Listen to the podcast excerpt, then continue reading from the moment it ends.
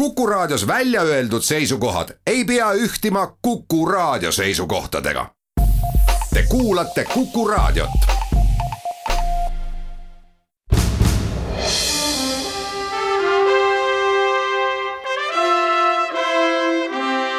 vahetund Postimehega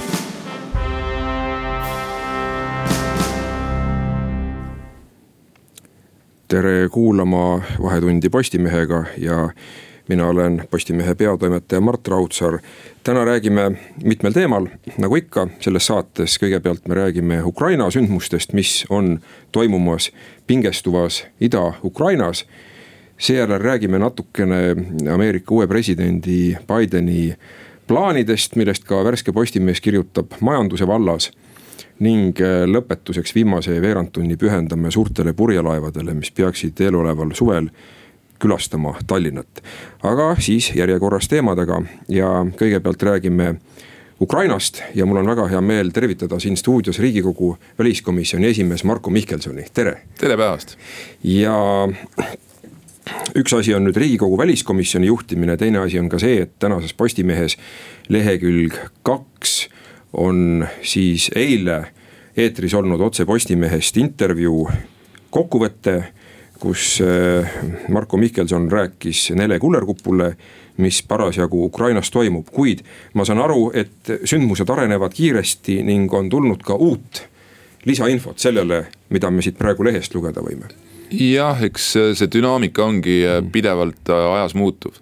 Eriti kui tõepoolest ka ruumi on ju nii palju kõikvõimalikule noh, oletusele, spekulatsioonile, ega, ega me ju ei siiani ei tea äh,, miks Venemaa äh, nii massiivselt vägesid Ukraina, mitte ainult idapiirile, aga ka Ukraina territooriumile äh, Krimmis koondab, ehk siis ei maksa unustada tõesti, et neid suundi, suundi on mitmeid, kuhu mis Venemaa kogub. toimub, seal on ju Vene rahuvalvajad ka. Transnistrias on väidetavalt vähemalt praegu tundub vaikne, aga me teame, et ju seal ka on püsivalt üheksakümnendate aastate algusest juba Venemaa sõjaline kohalolek olemas ja.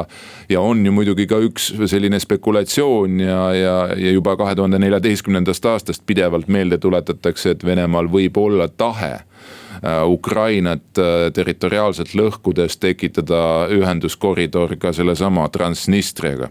aga tõesti, kui nüüd küsida, et mis nüüd juhtuda võib äh, ikkagi, me näeme, et see, see vägede hulk, mida Venemaa erinevatest piirkondadest Venemaal, nii Pihkvast, Pihkva dessantdiviisi üks polk on äh, juba jõudnud Krimmi, siis äh, on äh, kesksõjaväe ringkonnast liikunud või liikumas ehk siis Lääne-Siberist. Novosibirsk, Tjumen, sõjaväeüksused ähm, siis peamiselt sinna Voroneži kanti, aga ka, aga ka Krimmi suunas.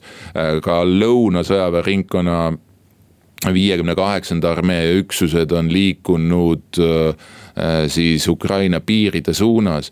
et äh, me võime praegu öelda piltlikult, et võimalikud on väga mitmed stsenaariumid, et välistada ei saa midagi mm. -hmm. ja, ja tõesti, nii nagu ma ka eile intervjuus ütlesin ja mis Postimees vahendab, et kui ikkagi selline massiivne kogus relvastust ja jõudu on kogutud piirile, siis ta peab kuidagi mingit rolli mängima. kas poliitiliselt või sõjaliselt? kas poliitiliselt, psühholoogiliselt, seda ta juba praegu mängib rolli, sest me ju juba, me, me räägime sellest, me mõtleme sellele. ja nii palju, kui ma tean, ka noh, mitmed mu head tuttavad, kellel on sugulased Ukrainas äh,. ütlevad, et inimesed on hirmul et see töötab ja, ja miks ka ei peaks olema, eks ju, et tegelikult. kuidas seal ilm praegu on, kas teede lagunemine on lõppenud, saavad nad liikuda juba maastikul? see, see on hea küsimus, et ma nii isegi ei oskagi öelda, kuidas seal täpselt Ida-Ukrainas on, seal on olnud suhteliselt vahelduv see ilmastik. aga praegu on see selline keeruline aeg ja ma arvan, et pigem võib-olla tõesti on see tahenemisaeg tuleb seal kuskil mais ja ka üks veel, mis oluline on muidugi, kui me räägime mingist operatiivtegevusest, on rohelus et arvestada, kui palju täna, tänapäeval droonid mängivad oma rolli. okei okay,, jah, Ida-Ukrainas on väga, väga lage see ala, eks ju, seal on hästi paljud suured stepid ja, ja selles suhtes see samamoodi ka seal Lõuna-Ukrainas, aga, aga, aga sellegipoolest. nüüd küsimus on tõesti selles, et äh, see hulk relvastust, mis Venemaal juba tegelikult alates kahe tuhande neljateistkümnendast aastast on Ukraina piiridel, see on väga, väga arvestatav aga ta ei ole ikkagi nii suure ülekaaluga et me võiks täna öelda, et Venemaa plaanib väga massiivset äh, sõjategevust Ukraina vastu. ometi Venemaa puhul ei tohi mitte kunagi alahinnata nendega võimet teha pööraseid liigutusi või pööraseid samme. nii et äh, eelolevat ma ütleks, täna meil on äh, seitsmes aprill ja, ja ma pakuks, et et ka varasemate selliste kogemuste põhjal selline valmisolek mingisuguseks tõsisemaks aktsiooniks võiks saabuda aprilli teisel poolel aprilli lõpus, võib-olla mai alguses. Äh, Vladimir Putinil on suur kõne plaanis äh, parlamentide ühiskodade poole kahekümne esimesel aprillil ka see on kindlasti üks daatum, mida tuleb silmas pidada, kust võivad mingid sõnumid või, või signaalid tulla. Aga, aga kindlasti testitakse ka seda, kuidas, kuidas meie, kuidas lääneriigid tervikuna reageerivad, millises valmisolekus nad on ja ma peaks ütlema, et tõesti võrreldes näiteks kahe tuhande neljateistkümnenda aastaga, kus Venemaa oli radaritelt kadunud. keegi ei pööranud tähelepanu Krimmile ja nii edasi, kõik tuligi ootamatult siis täna sellist, sellist ootamatust enam kindlasti juhtuda ei saa. ehk siis valmisolek on olemas lääne poolelt reageerida ja ju ma saan aru, mõeldes ka Ameerika presidendi reageeringutele näiteks, see reageering on olnud siiski jõuline. ja see on no Ühendriikide poolt mitte ainult sõnades, vaid ka tegudes. et ka Ühendriikidel on ju ka reaalne sõjaline nii-öelda küll treening mõttel kohalolek ka Ukrainas ja, ja tõesti, nad on teinud seal luurelende, nad on Ukrainat aidanud ka relvastusega ja aitavad jätkuvalt noh, võib-olla kõige sellisem kummalisem avaldus, mis siin on paari päeva sees toimunud, on siis Saksamaa ja Prantsusmaa ühisavaldus. kus nad siis tegid mõlemale poolele, Ukrainale ja Venemaale siis ettepaneku tõmbuda tagasi pingete kruvimisest, no ma tahaks kindlalt rõhutada siin, et Ukraina pole vähimalgi määral äh, pingeid kruvinud. see, mis on toimunud Ida-Ukrainas, ka eile hukkus ju Ida-Ukrainas Donbassis kaks Ukraina kaitseväelast on siin viimastel päevadel peaaegu ei ole päevi olnud, kui on äh, siis äh, hukkunuid.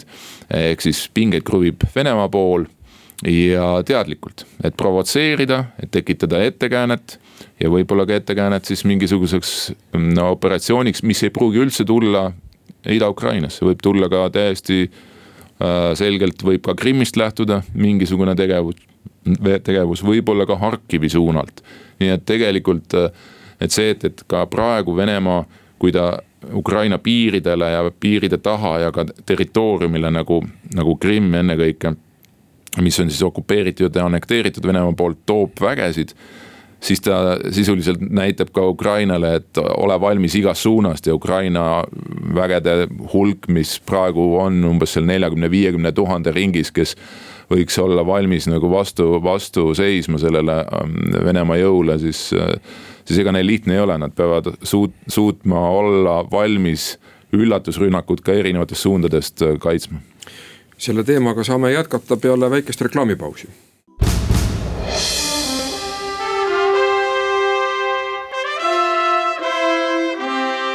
vahetund Postimehega.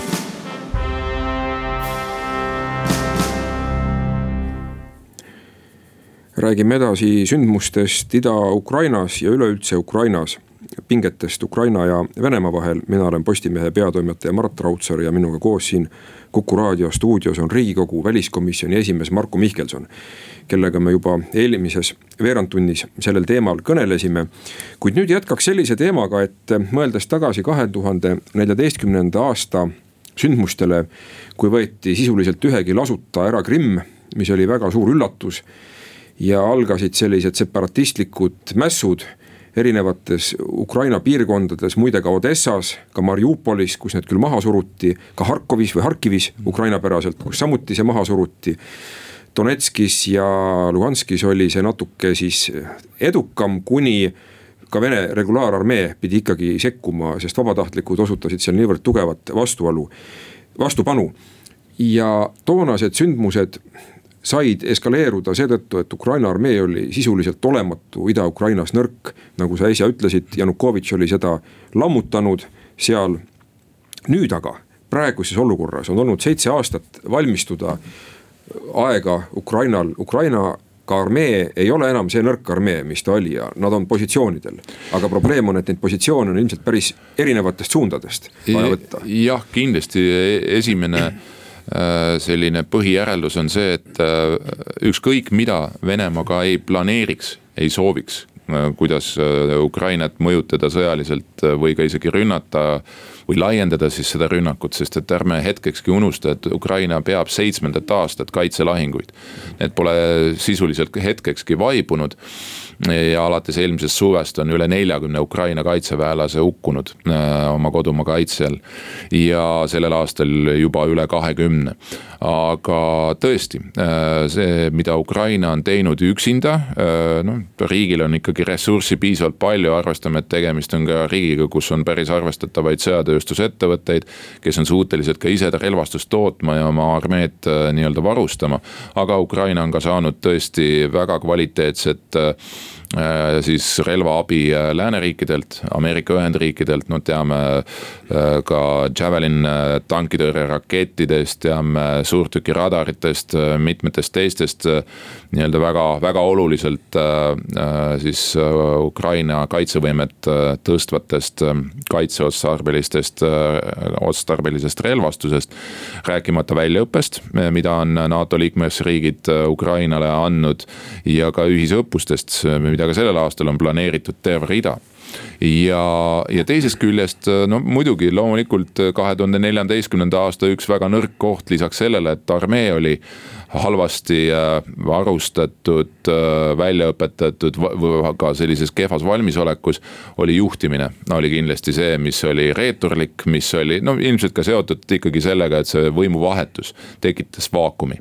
ja võimaldas siis nendel, kes äh, kellel oli lihtne käed üles tõsta, eriti siis Krimmis. et selline olukord nagu juhtus, täna ma ei kujuta ette seda, et, et Venemaal oleks nii lihtne Äh, kusagil äh, edu saavutada, nii nagu ta isegi kahe tuhande neljateistkümnendal aastal, nagu sa täpselt mainisid. Äh, ju Venemaa soov oli kaheksa oblastit, Ukraina oblastit. ka Zaporižja minu meelest ja, oli just plaanis. täpselt, et see kogu see lõuna alates siis Odessast, Moldova piiridest kuni Harkivini välja sellise poolkaares, eks ju, et õnnestus ju ainult Krimm ja õnnestus siis osa Donetski ja osa Luhanski. ja mitte kõik, ja mitte kõik, umbes just, pool võib-olla mõlema territooriumist. ja, ja loomulikult ega see isu pole ju kuhugi kadunud, Venemaa soov on, äh, Venemaa praeguse juhtkonna soov on Ukrainat äh, lõhkuda. Äh, Ukraina iseseisev riik sellisel kujul, nagu ta täna on, ikkagi reaalselt hävitada, sest, sest Venemaa jaoks no on jällegi Venemaa praeguse juhtkonna jaoks, olgem täpsed, on vastuvõetamatu, et Ukraina liigub Äh, Euroopa suunas, liigub NATO suunas ja on pööranud Venemaale selja, aga noh, miks ta on pööranud selja. muidugi on ju selle kõigi, kõigi nende tapatalgute pealt, mis on Venemaa Vene, Ukraina vastu korraldanud. ja, ja kindlasti üks võib-olla ka põhjus, miks see see, see seis on nii pingestunud praegu, et Venemaa justkui ei näegi muud võimalust, kui peab jälle sõjanuia välja võtma ja seda hakkama nii-öelda. Läheb liiga hästi Ukrainal. E, e, pigem ka see, et, et Ukraina vaatamata püsivast mõjutustegevusest. Venemaa on ju nii propaganda kui muude vahenditega püüdnud Ukrainat seestpoolt lõhkuda, et inimesed pöörduksid äh, tagasi võib-olla vaatama, et äkki Venemaa on ikka see kindel, kindel kants, kelle poole nagu hoida. ei, üle poole Ukraina äh, elanikest tahab liituda Euroopa Liiduga, üle poole tahab liituda NATO-ga. ja, ja see on ka üks võib-olla selline appikarje Venemaa poolt, et kui nüüd sõnaga ei õnnestu ukrainlasi ära meelitada, siis tuleb ikka see jõuga sekkuda et, et iseenesest see on, mina ütleks, et väga lootustandev nagu ikkagi seis, sest et see, mis Ukrainasse pööre ka inimeste mõtetes ja hoiakutes kaks tuhat neliteist revolutsiooni käigus toimus, väärikuse revolutsiooni käigus. see on olnud pöördumatu ja, ja, ja Ukraina on selgelt ikkagi täna näoga lääne, lääne suunas ja selle tõttu on ka meil väga suur vastutus äh, neid nagu toetada, et meile väliskomisjonis ka siis pärast äh, seda Postimehe otsestuudio saadet oli meil ühendus meie ÜRO julgeolekunõukogu esindusega, saadik Sven Jürgenson andis ka viimast informatsiooni, et kuidas seal praegu käib diplomaatiline töö, et julgeolekunõukogu tasandil kus Eesti on siis mittealaline liige praegu, et me saaksime toetada Ukrainat.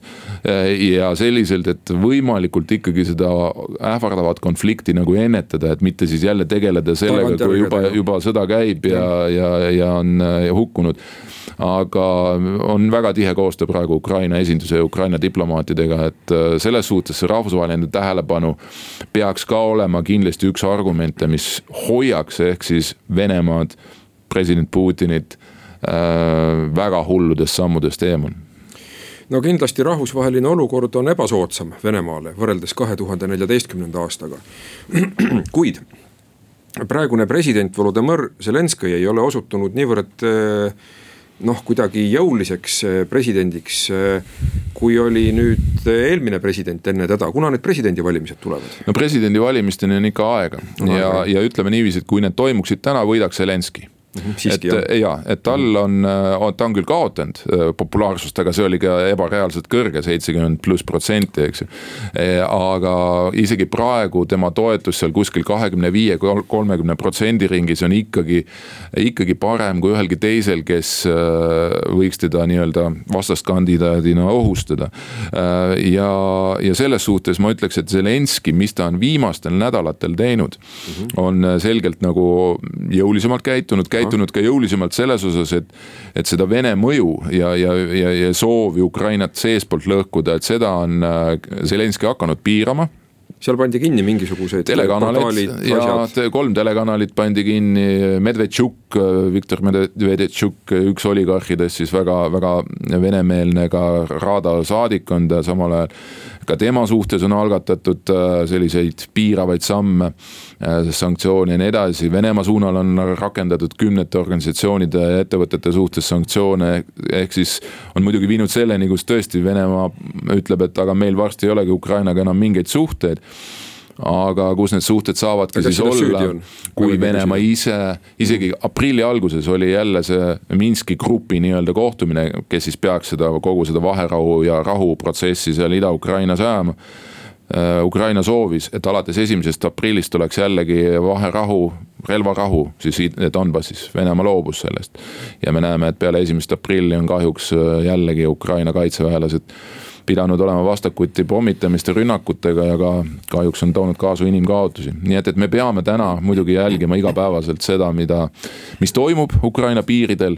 ja kindlasti me ei tohi ka unustada, et Venemaa agressiivne poliitika ei ole ju suunatud ainult Ukraina suunal, ta on ka lääne suunal ja, ja ikkagi aasta teisel poolel planeeritavad suurõppused Zapad kakskümmend üks puudutab ka meie äh, vahetut lähedust, nii et, et äh, hoiame silmad lahti aitäh, Marko Mihkelson, riigikogu väliskomisjoni esimees, andmast ülevaadet sellest, mis toimub äh, Ida-Ukrainas, läheme nüüd väikesele reklaamipausile ja kuulame ka pooltunni uudiseid.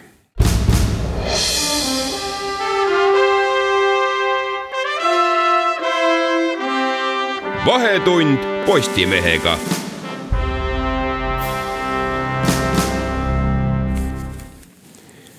vahetund Postimehega jätkab, mina olen Postimehe peatoimetaja Mart Raudsaar ja nüüd on telefoniühenduses meiega Postimehe majandustoimetuse ajakirjanik Tõnis Oja, tere, kas sa kuuled meid? tere, kuulen. suurepärane, sinu sulest ilmus huvitav ja suur üle kahe lehekülje, lehekülgede kümme ja üksteist artikkel pealkirjaga Joe Bideni grandioosne investeerimisplaan noh, me teame, et eh, väga sageli, kui tulevad uued presidendid Ameerika ajaloos, nad alustavadki võimsate majanduse restruktureerimise plaanidega. muidugi kõige rohkem on meile meelde jäänud ikkagi Roosevelti New Deal kolmekümnendatest aastatest ja kui hakati ehitama kiirteid mille poolest nüüd siis see Joe Bideni plaan on grandioossem kui tema eelkäijate, nüüd viimaste presidentide majandusreformi plaanid? No kindlasti summa, summa poolest, planeeritud summa on kaks koma kolm triljonit dollarit ja see on lisaks veel varasematele nii-öelda koroona, koroona äh, pakettidele. pandeemia, pandeemia pakettidele, mis viimane oli üks koma üheksa triljonit dollarit. et selles mõttes kindlasti suurem ja mulle tundub, et ka on ka tõesti selline äh, äh ambitsioonid, ambitsioonikam Äh, kus tahetakse mitte ainult noh, ütleme siin ajakirjanduses on, on selle kohta räägitud nagu infrastruktuuri muutused. aga tegelikult see, see plaan äh, hõlmab nagu laiemat majandust, kaasa arvatud ütleme me, kliima soojenemise vähendamisele suunatud mm -hmm. programme ja muud taolist. Ja, ja ka muidugi noh, näiteks üks, üks punkt on siin, et no siin viimasel ajal on tekkinud nende elektrooniliste mikrokiipide defitsiit ja ka muuhulgas, muuhulgas ka ne, selle sektori toetamisele aga noh, see on muidugi detail. vaadates selle raha jagamist torkab silma, et kõige rohkem tahetakse panna raha taristuprojektidesse ikkagi siis nagu ka kolmekümnendatel ju tehti, ikkagi ideid kaasajastada. ja mida ma olen lugenud, on see, et Ameerika mitmed kiirteed on kehvas seisukorras, viaduktid lagunevad ja mõned on isegi varisemisohtlikud. ma saan aru, et siis remonditakse olemasolevat eh, taristut aga on sul aimu, kas nad tahavad ka midagi täiesti uut teha, ma saan aru, et siin räägitakse internetiühenduse parandamisest. no internetiühenduse parandusest, siis on ka ma noh, olles ka ise Ameerikas mõned korrad käinud, seal on selle vee, veevärgi veetorustik on. kas neil on tõesti pliitorusid veel kasutuses? ma arvan, see on pliisisaldusega jah, ju siis on. uskumatu. see torkas mitme, mitme, mitme mm -hmm., mitmel kohal silmas äh,, siis äh, tegelikult, kui mu mälu ei päta, siis selle infrastruktuuri äh, rekonstrueerimise äh, oli alguses ka äh, Donald, Donald Trumpi plaanis ja minu meelest räägiti siis umbes triljonist, triljonist dollarist kohe, kohe tema valitsemise esimesel aastal.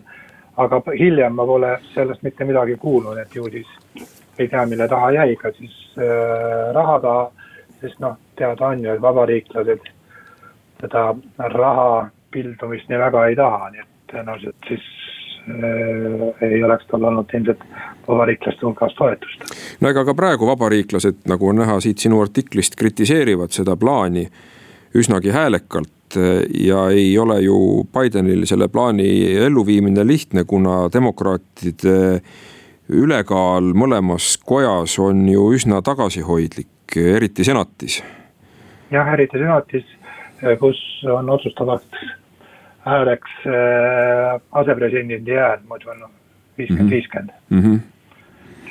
aga noh, nagu siin lugeda on, et ta ikkagi loodab mõne äh, vabariiklase häälega enda poole võita, aga jah, tõenäoliselt ikka seda ei juhtu no. aga, aga ma ja. olen aru saanud, et, et on, on Biden ja tema meeskond on ikka väga suurt tahet see, see reform läbi suruda Eh, no kui nüüd tuleks eh, kvaliteeti, uut tüüpi transporti, igasugune investeering ju alati tulevikku on mõistlik. Eh, noh, räägitakse ju niisugust asja ka Ida-Saksamaa kontekstis, et seal vanad tehased vahetati täiesti uutega välja.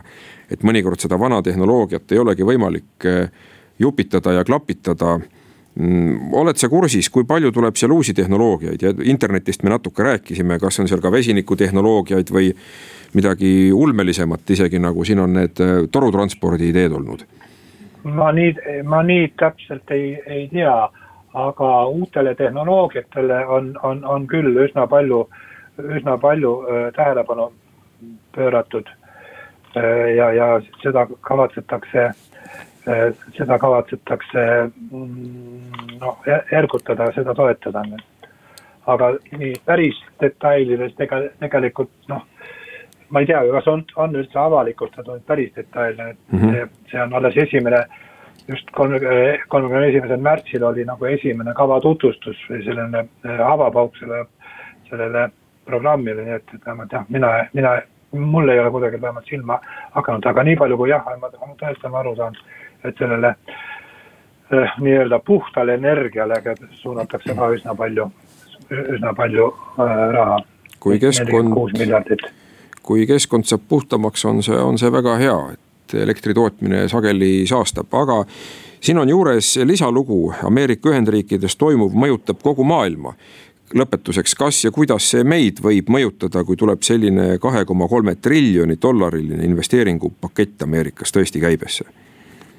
No eks ta tuleb, eks ta tuleb äh, niimoodi kaudselt äh, nendele, kes ekspordivad, ekspordivad äh,, kelle peatöövõtjad ekspordivad äh, Ameerika Ühendriikides. no võtame lihtsa näite, Ericsson Eesti mm, -hmm. kelle, kelle, kelle toodang läheb nüüd otse, otse Ameerikasse nende äh, mobiilsete võrguseadmete to, tootja.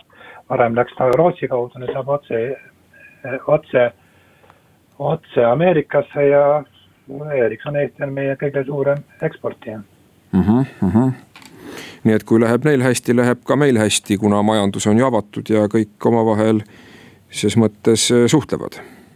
jah kindlasti. nii, siin üks, üks moment siiski veel, et e, siin artiklis on juttu ka sellest PPP projektidest ehk siis lahti seletatuna public-private partnership, kus avalik ja erakapital teevad koostööd. no me teame, et Eestis ju arutati siin eelmise valitsuse aegu, et võib-olla mõningate kiirteede ehitamisel võiks kaasata erakapitali ja me teame, et Tartus, kui ma nüüd ei eksi, kohtumaja ehitati sellise koostöö e, alusel juba tükk aega tagasi Mm, ma saan aru, et Ameerikas see on siis ka täiesti, täiesti teema laual, aga pigem vabariiklaste poolt, et eh, demokraadid sellest ei räägi, vaid nemad ütlevad, et nii-öelda see on riigi süst majandusse ja. ja eraraha niivõrd nagu kaasata, selleks, sellest nad ei, ei räägi. ei räägitakse ikka, aga et Aha. ma, eh, ma saan aru, et mina, kui ma nüüd õigesti olen aru saanud, siis tegelikult just vastupidi vabariiklased väga ei poolda seda, sest sama põhjusel, mis nagu meie Reformierakond ka ütleb, et see on, teeb selle projekti liiga kalliks. ahah, niipidi, selge, aga sellest kõigest ja muustki veel saab siin ju hea lugeja ise vaadata juba lehenumbrist, kui ta selle kätte võtab. aitäh, Tõnis Oja, Postimehe majandustoimetuse ajakirjanik selle, selle ülevaate eest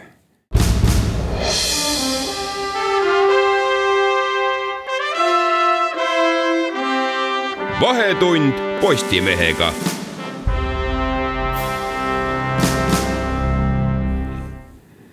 tere tulemast tagasi kuulama Vahetundi Postimehega, mina olen Postimehe peatoimetaja Mart Raudsaar. ning nüüd on minuga siin Kuku raadio stuudios ühinenud meie ajakirjanik Uwe Gnadentai, tere. tere. ja me räägime sellisest toredast uudisest, et suvi jäi ära ja veel enamgi, et meile tulevad siia uhked laevad ja mitte need laevad, mis siin vahepeal seisid sadamas, kruiisilaevad ja ootasid normaalse elu taastumist, vaid tulevad meile suured purjelaevad. mida me oleme näinud eh, traditsiooniliste merepäevade raames suuremal või vähemal määral, kuid nüüd siis tuleb neid siia kõvasti ja ennenägematul hulgal. jah, see on nüüd paljude inimeste üsna mitme aasta pikkune töö, mis, mis niimoodi eelmisel aastal tundus korraks, et, et lendas vastu taevast, kuna see regatt jäi üldse ära, aga siis sel aastal tuleb siia vähemalt kuuskümmend aga paremal juhul ka sada, nagu headel aastatel on olnud suur, suuremat ja väiksemat purjelaeva. mille pardal siis vähemalt pool meeskonnast on viieteist kuni kahekümne viie aastased noored ja, ja see siis peaks asendama merepäevi. ja korraldajad on, on valmis seadnud ka kontsertide ja, ja, ja muude ürituste programmi selleks puhuks, kui asi peaks suveks nii hästi minema, et, et igasugused piirangud kaovad.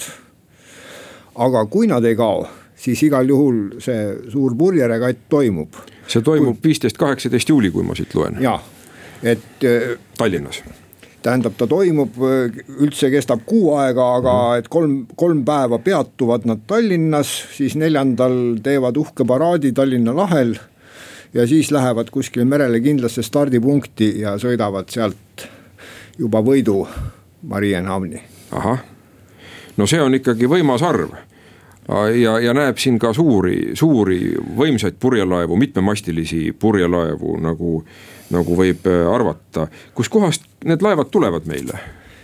tulevad igalt poolt, äh, lepingud kirjutatakse alla selle kuu lõpus, enne seda korraldajad keeldusid ütlemast, et, et kes tuleb, et mitte ära sõnuda.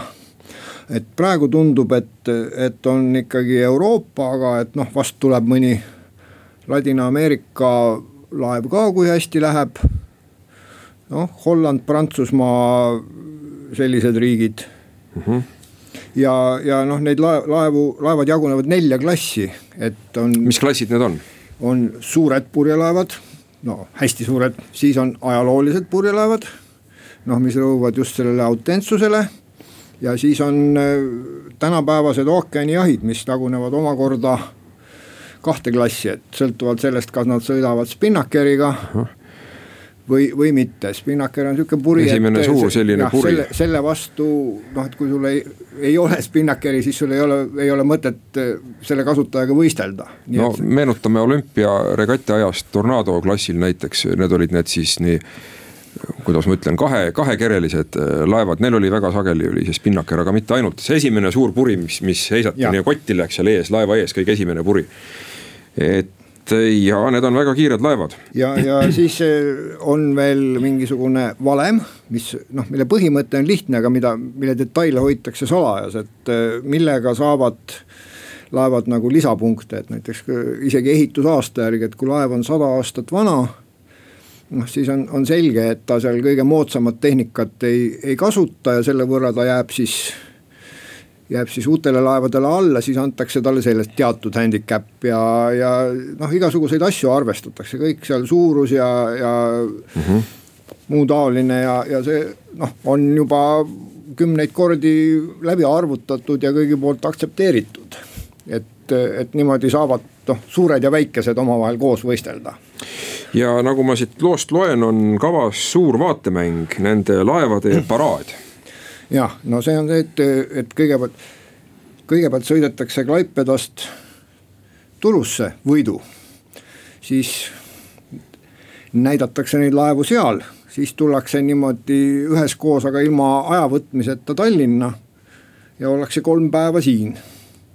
ja siis neljandal päeval, eh, enne kui laevad lähevad starti, sõidavad nad niimoodi rivistuvad Tallinna lahel üles, sõidavad ühele poole siis pööravad ümber ja, ja suunduvad kuskil merel olevasse stardipaika mm. -hmm. nii et äh, ma saan aru, et Pirita teel või Tallinna rannajoonel on siis seda kõike näha järjest, kuidas need laevad sealt mööduvad. et ilmselt niimoodi... see Pirita tee on üks hea vaatekoht. just on öeldud, et terve Tallinna rannajoon. terve Tallinna rannajoon. on, on, et isegi kui peab tuleb jälgida seda kaks pluss kahte, et siis mm -hmm. mahuvad kõik huvilised no sinna mahub rahvast, ma usun küll, piisavalt.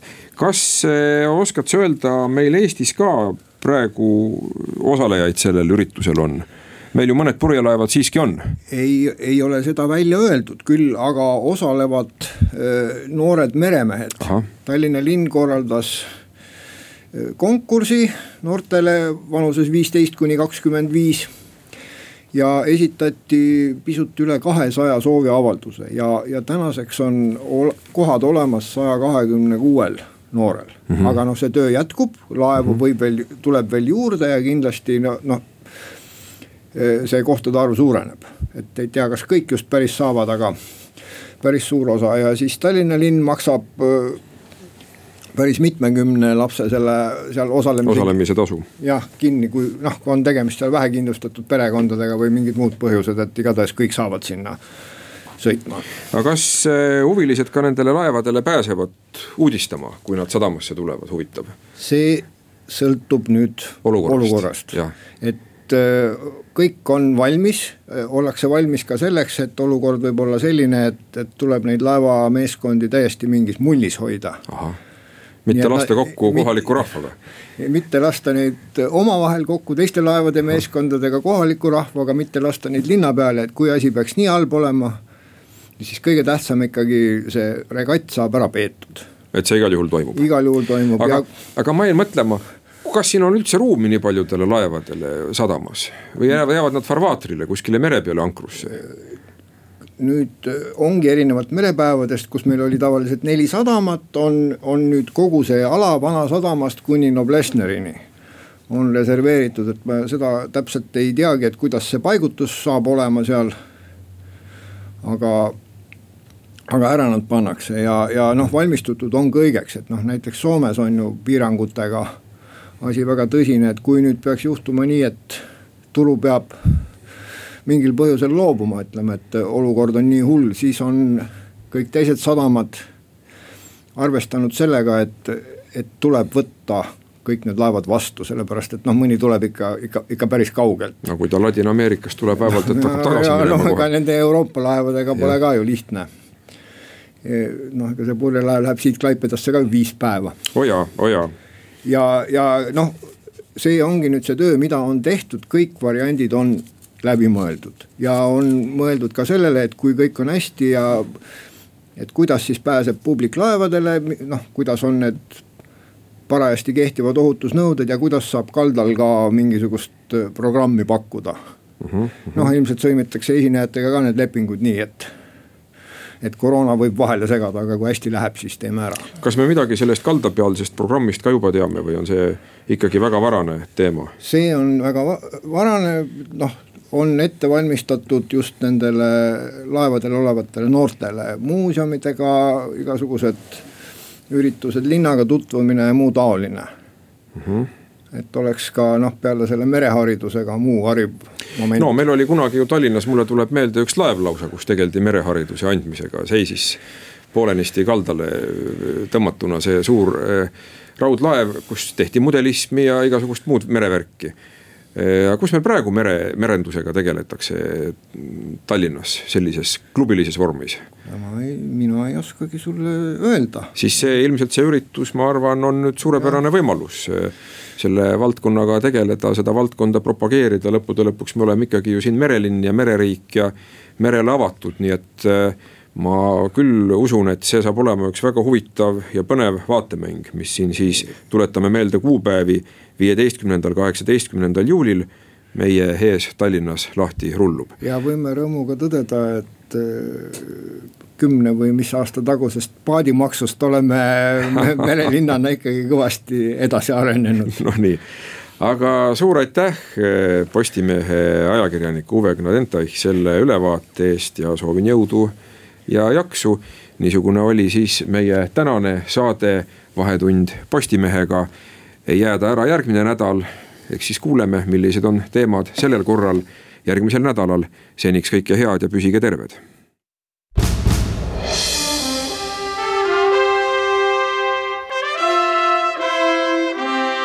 vahetund Postimehega